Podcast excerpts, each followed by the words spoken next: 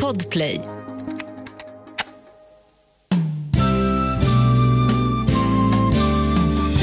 Hej och välkomna till Sveriges sämsta folkbildare. En podd för dig som vill lära dig lite grann. Med inga mindre än Clara Henry och Gustav Jernberg. Det är dags för Mysterier.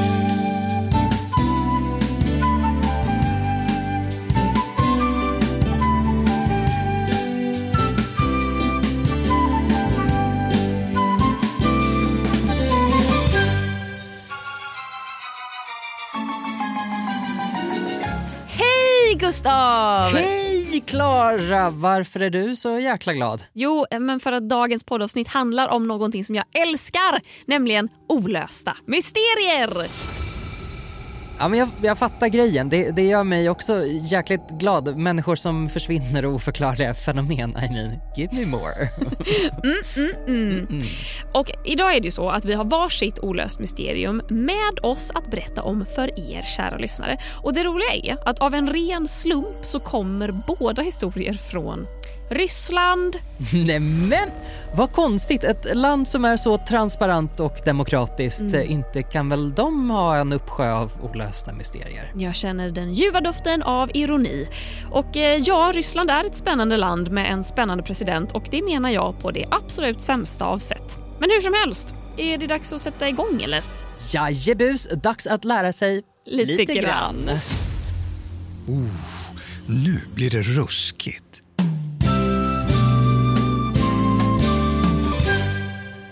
Om jag säger 4625 kilohertz till dig, vad säger du då? 4000 kilohertz, vad betyder det? Är det ett ljud? Det är en frekvens. En frekvens? Det låter- 4625. Försöker, försöker du sjunga det? Det är en referens till Rent, musikalen. Jaha, nej ty- tyvärr. Inte Nej, sett. förlåt, för böget för dig. Om jag säger så här då, ryssen kommer. Då tänker jag på Kristina Petrushina, also known as Keyyo. Okej. Hon har en föreställning som heter så. Ja, vi hoppar tillbaka till, till frekvensen helt enkelt. På den här frekvensen har nämligen en kortvågs radiostation sänt ut samma brus i över 30 års tid. Och det är ingen som vet varför. Va? Den skickar ut 25 signaler per minut, 24 timmar om dygnet. Och plötsligt så bryts det av en röst som läser upp ett meddelande på ryska. Михаил, Дмитрий, Женя, Борис. Михаил, Det här kallas The Buzzer eller UVB 786. Jag, förs- jag förstår ingenting. Nej, och så Jag, här jag är- hoppas att din story är längre än så här. Jag hoppas Det var här, det. Det, var, det här var mitt olösta mysterium. Ja, det är ingen som vet varför. Tack för mig. Hej Podden, då. podden är slut för idag. Hoppas ni har lärt er lite grann. Ja, för det vi kan prata vidare om är egentligen bara teorier. För det är ingen som vet exakt vad det här är. Men vänta, paus. Bara så att jag förstår det här rätt. Någonstans i världen, ingen vet var. Eller rymden, teoretiskt sett till och med.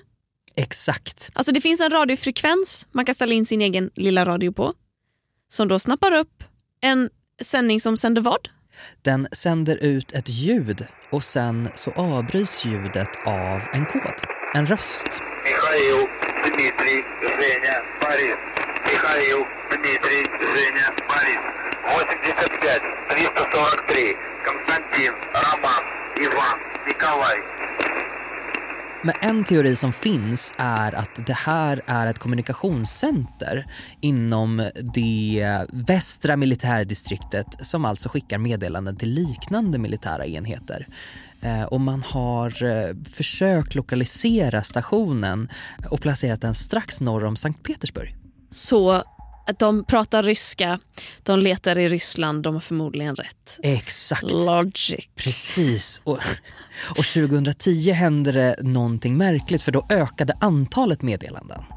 Och fortfarande ingen vet varför, men det hade gått månader och ibland år mellan de här uppläsningarna av koden så inträffade det helt plötsligt med någon veckas mellanrum.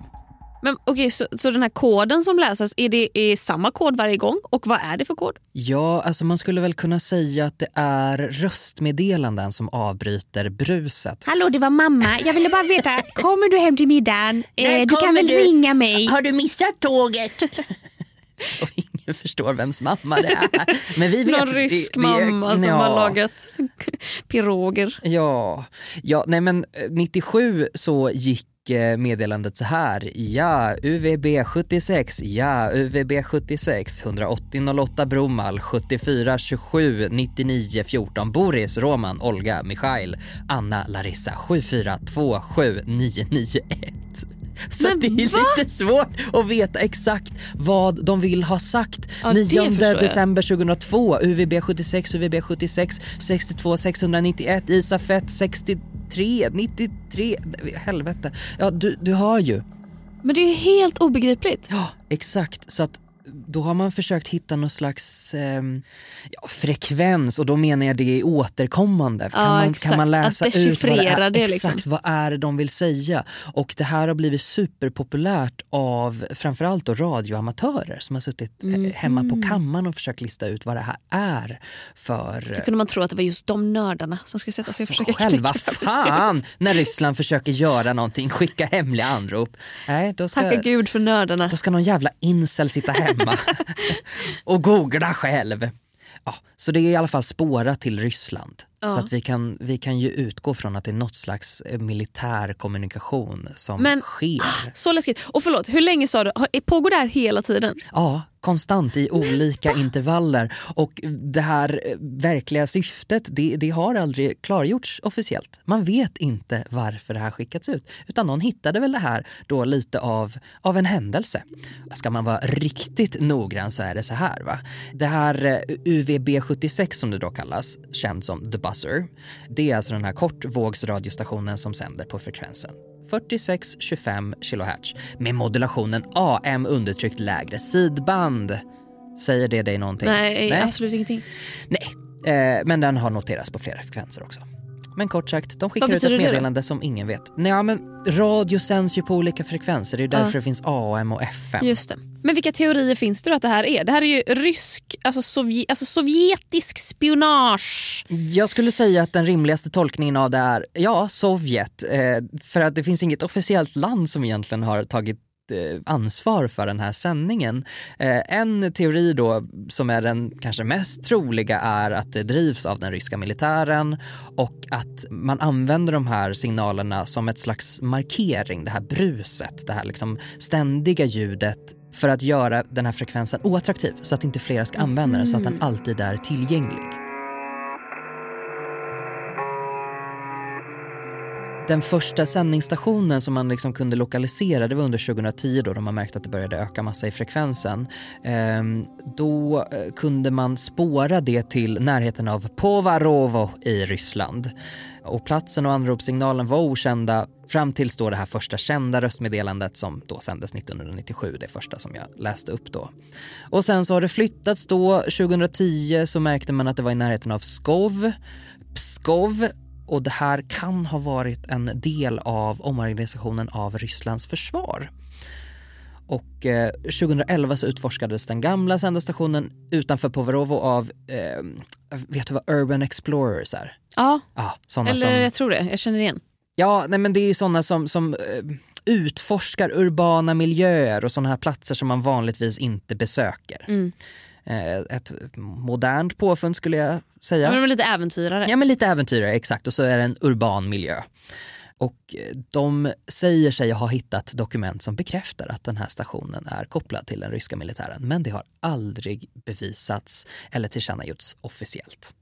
Vad stört. Jag undrar liksom vad, vem de sänder de här meddelandena till. Exakt. Och fan vad jobbigt att vara den personen som har det uppdraget att höra när det kommer. Alltså, man sitter där vid den radion liksom, i ett år.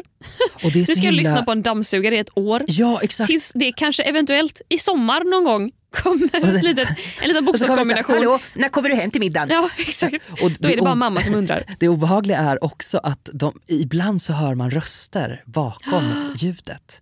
Så att då finns det en teori också om att det här är inte någonting som man sänder ut i, i, i sin liksom direkta form utan det är mikrofoner som plockar upp det och det är ändå människor som sitter där och sköter det på något sätt. Ja. Så att det plockar upp deras samtal ibland också. Åh gud vad sjukt.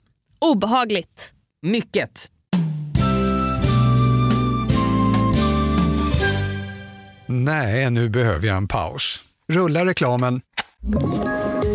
poddtips från Podplay. I fallen jag aldrig glömmer djupdyker Hasse Aro i arbetet bakom några av Sveriges mest uppseendeväckande brottsutredningar. Går vi in med hemlig telefonavlyssning och, och då upplever vi att vi får en total förändring av hans beteende. Vad är det som händer nu? Vem är det som läcker?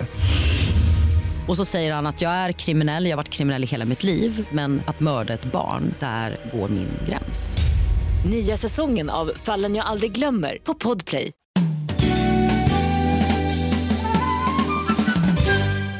Mitt olösta mysterie, Gustav, är ju också lite på Ryssland-tema. Nämen, Jag skulle vilja berätta för dig om Jatlov-expeditionen. oj. Känner du till det här? Nej, jag drar slutsatsen att det är en expedition i Ryssland. Är jag rätt ute? Ja, du är helt rätt. Så jag skulle föreslå, den här är ganska lång, så jag skulle föreslå eh, götta ner dig lite där i din fåtölj, Gustav. Sätt dig till rätta. För nu ska du få höra om när Igor Jatlov år 1959 tillsammans med nio andra studenter och akademiker vid Uralbergens tekniska högskola i Ryssland bestämmer sig för att göra en expedition över Uralbergens norra delar. Låter trevligt va? Ja, ja, jag kan inte säga något annat. Då ska du få lite background info här. Det var åtta män och två kvinnor. De flesta är runt eh, 20 år gamla. Alla är vana skidåkare med stor erfarenhet av expeditioner som den här. Och på foton då som den här gruppen har tagit från expeditionens tidigare delar så syns deltagarna skratta och skoja tillsammans. De är mycket glada och exalterade över eh, livet generellt men framförallt då sitt gemensamma äventyr som de ska ha tillsammans. Vägen de skulle ta för att nå sitt mål, som var berget Otorten. Mm, Förlåt alla eh, som vet jag, hur man jag mådde uttalar det. lite dåligt av det där. Otorten. Hur stavar du det? O-T-O-R-T-E-N. Okej, det var inte så. Och det torten. Och torten. Det låter bara som att någon har sluntit på tangentbordet när jag, har kommer, skrivit. jag kommer aldrig eh, att säga det igen. Säg berget fun, då. fun fact är att det här är ursprungsbefolkningen Mansi. Eh, det är deras namn för berget och det betyder gå inte dit.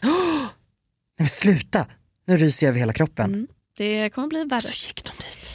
I alla fall, vägen de skulle ta för att nå eh, berget och torten var klassad som en kategori 3, alltså den absolut svåraste. Och ingen hade 1959 tagit den här rutten tidigare.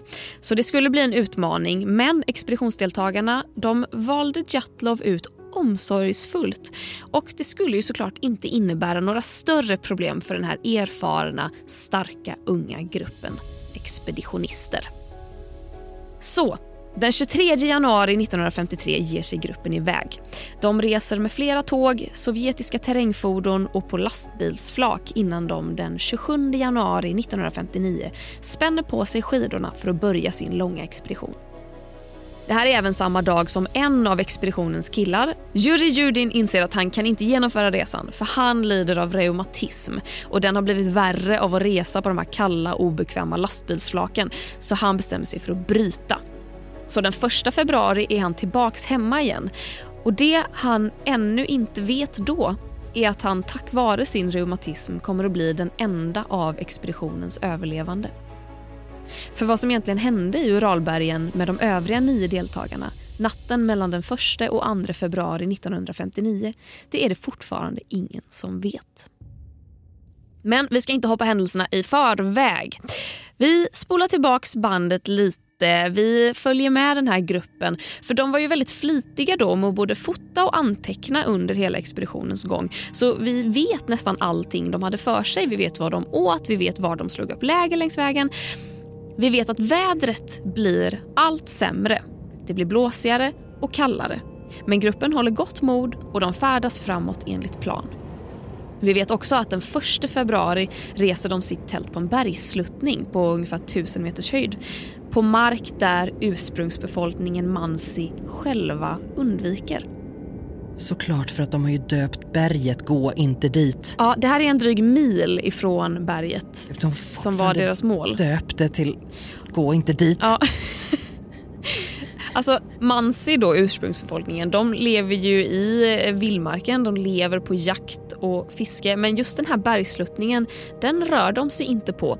För berget heter på deras språk Döda berget.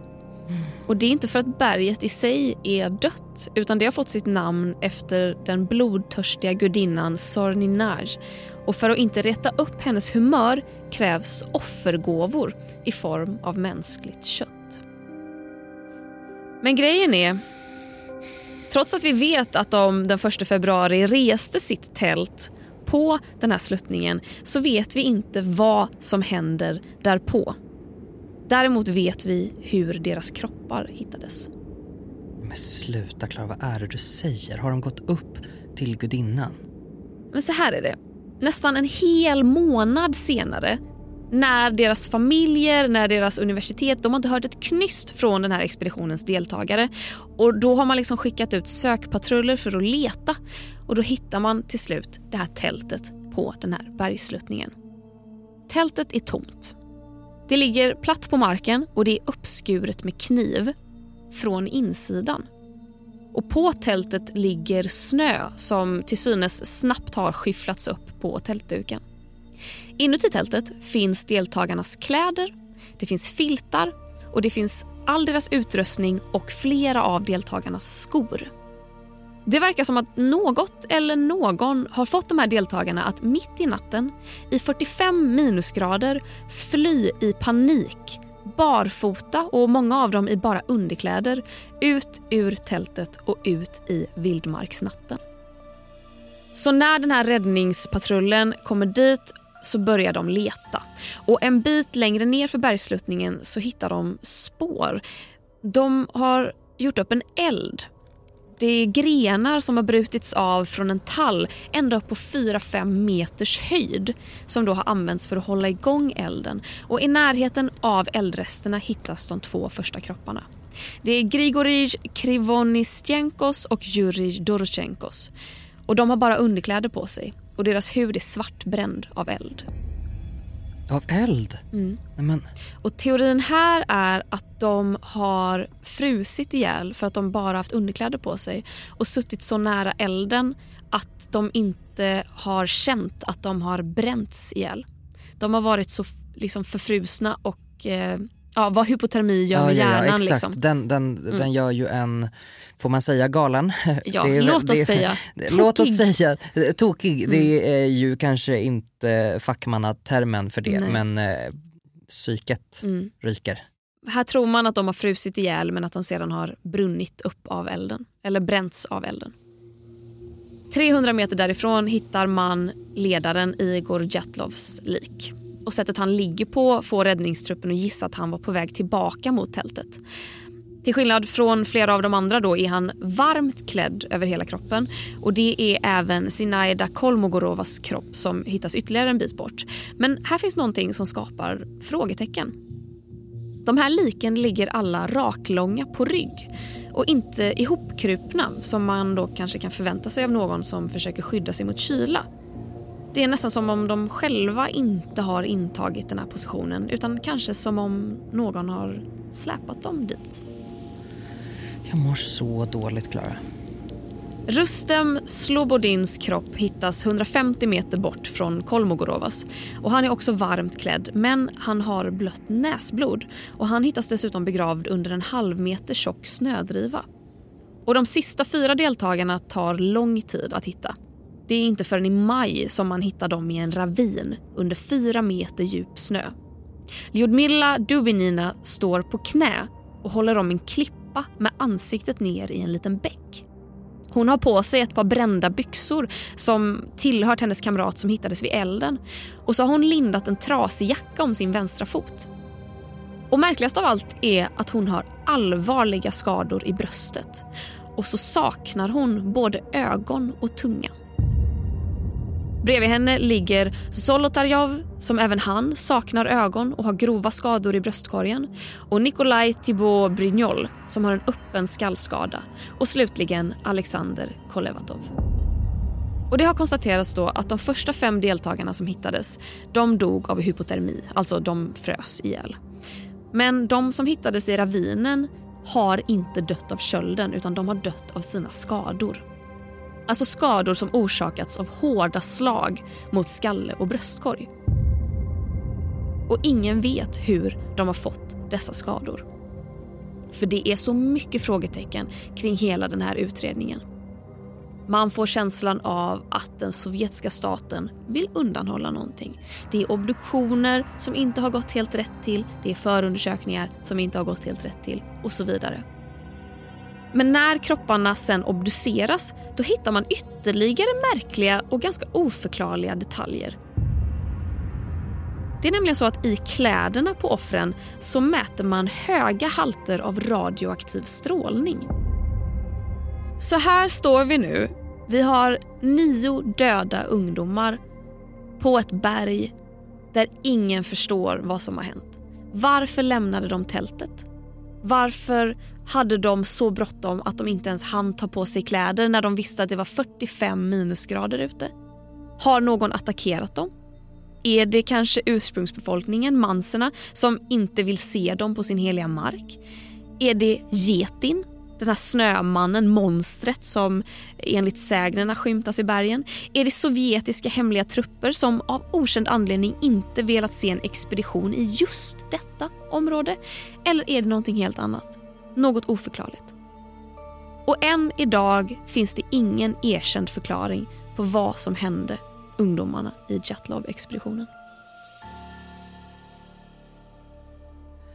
Klara, hur mår du när du läser sånt här? Du ser så oh, oberörd ut. Men jag njuter. Alltså det här är en expedition jag har läst om. Jag har sett en dokumentär om det. Jag har läst, det finns ett jättelångt reportage i DN man kan läsa om man är nyfiken. Där finns så mycket göttiga detaljer. Va, va, ehm. vad reagerar du mest på? För, jag, för mig är det ju det här att de har, någon har skurit upp tältet inifrån. Mm. Varför? Hur? Är det jag bara för att ta sig jag ut? Jag tror att det är bara för att ta sig ut. I ren panik. Men, och då, då kanske man... Varför är de avklädda? Det är inte, alltså såhär, när man sover i tält ja. så sover man ju inte naken. Nej, men jag alltså... tror att de kanske tog av sig för att sova. Jag vet ja. faktiskt inte. Nej, men för Jag tycker det låter jätte, jättemärkligt. Men det är också 50-tal. Några... alltså, de hade väl någon kamin säkert. Men är det 45 grader på utsidan och det är en liten tältduk? Det, ja, det är klart att de inte kan ligga avklädda då. Tänker jag. Då ligger man ju liksom eh, polar... Men oavsett är det ju en dödsdom. Alltså, så säg att de känner sig hotade och rädda och känner att de måste fly tältet det är en, det är en bokstavligt talat dödsdom. Ja. Att springa i alla fall barfota ut ur ett tält, än mindre utan kläder på sig i 45 minusgrader. Micromortsen är skyhöga. Ja verkligen. Och sen är det också så här, det här att ett par av dem inte hade tunga och ögon. Alltså, varför, skulle, ja, exakt, varför skulle det vara så? Ja, men menar, tänk så här, förruttnelseprocess, ja. fine. Men varför har inte alla då blivit exakt. av med tunga ögon? Och det är så olika eh, scenarier för alla. Mm. Att det är det. Man fattar om, om alla hade flytt från tältet eh, avklädda på något sätt mm. och man liksom ändå kunde se att någonting har hänt samtidigt. Mm. Eller för, för människor reagerar ändå liknande på liknande händelser så att mm. de liksom springer. Eller, nu är det ju som att de verkar inte alls ha det, det, är nästan, det har ju hänt samtidigt känns det mm. som. Men det är inte samma sak som har hänt dem. Och det blir också så himla märkligt. Hur kan några ha tagit sig iväg? Mm. Hur kan de vara placerade på det här sättet? Ja varför har de spridit ut sig? Exakt. Deras överlevnadschanser de... är väl ändå ah. större om de håller ihop som grupp. Kanske kan ja, värma varandra. Ja, men sen också att de ligger raklånga mm. de flesta av dem. Eller står liksom med huvudet ner. Vad sa du? I en bäck? Vid mm, en hon, bäck? hon stod på knä och höll om en sten med ansiktet ner i en bäck. Ja. Och det, det, jag läser det här eh, och, och, för mig låter det som att de har dött på en sekund. Exakt. Typ Jatlov som var på väg tillbaka till tältet fullt påklädd. Han ja. var den enda som var varmt klädd från topp till tå. Det är som att han bara har Nästan som att han inte var där utan han bara kom tillbaka. Ja. Att han ligger raklång och att så här, hur? Har han snubblat? Har han inte kunnat ta sig upp? Hur har han dött i den positionen? Det är som att de har dött från ingenstans. Bara fallit ihop. Jag tycker det är så märkligt. Tack för en bra historia, Klara. Tack själv.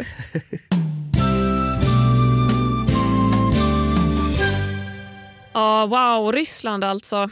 Vilket land. Där kan uppenbarligen precis allting hända. Ja, det är ju som i den här jävla podden. Så vad händer i nästa avsnitt, Klara? Jo, i nästa avsnitt då snackar vi lingvistik. Mm, mitt favoritämne, va? Och då kommer det låta så här. Ja, men vi tittar lite grann på tyskan också. Mm. Eh, favoritord från tyskan, bland annat då billig. Vilket djur är det som låter? På mandarin säger djuret hulu hulu. Hello hello. Pussy pommes frites är sån jävla feministisk snabbmat. Vadå pussy pommes frites? Lesbisk snabbmat. Tack Klara. Tack Gustav. Tack Klara och Gustav. Har du som lyssnat också lärt dig lite grann? Det har i alla fall jag gjort. Häng med i eftersnacket i Sveriges sämsta folkbildares Facebookgrupp. Sök på Sveriges sämsta folkbildare. Du kan också stötta podden på patreon.com och få bonusavsnitt och annat skojsigt. Och om du vill lyssna på Sveriges sämsta folkbildare en dag innan alla andra, ja då laddar du ner Podplay-appen. Det är enkelt som fan. Producent och klippare David Dava Persson. Hej då och tack för att du har lyssnat. Podplay, en del av Power Media. Ett poddtips från Podplay. I fallen jag aldrig glömmer djupdyker Hasse Aro i arbetet bakom några av Sveriges mest uppseendeväckande brottsutredningar går vi in med hemlig telefonavlyssning och, och då upplever vi att vi får en total förändring av hans beteende. Vad är det som händer nu? Vem är det som läcker? Och så säger han att jag är kriminell, jag har varit kriminell i hela mitt liv men att mörda ett barn, där går min gräns. Nya säsongen av Fallen jag aldrig glömmer på Podplay.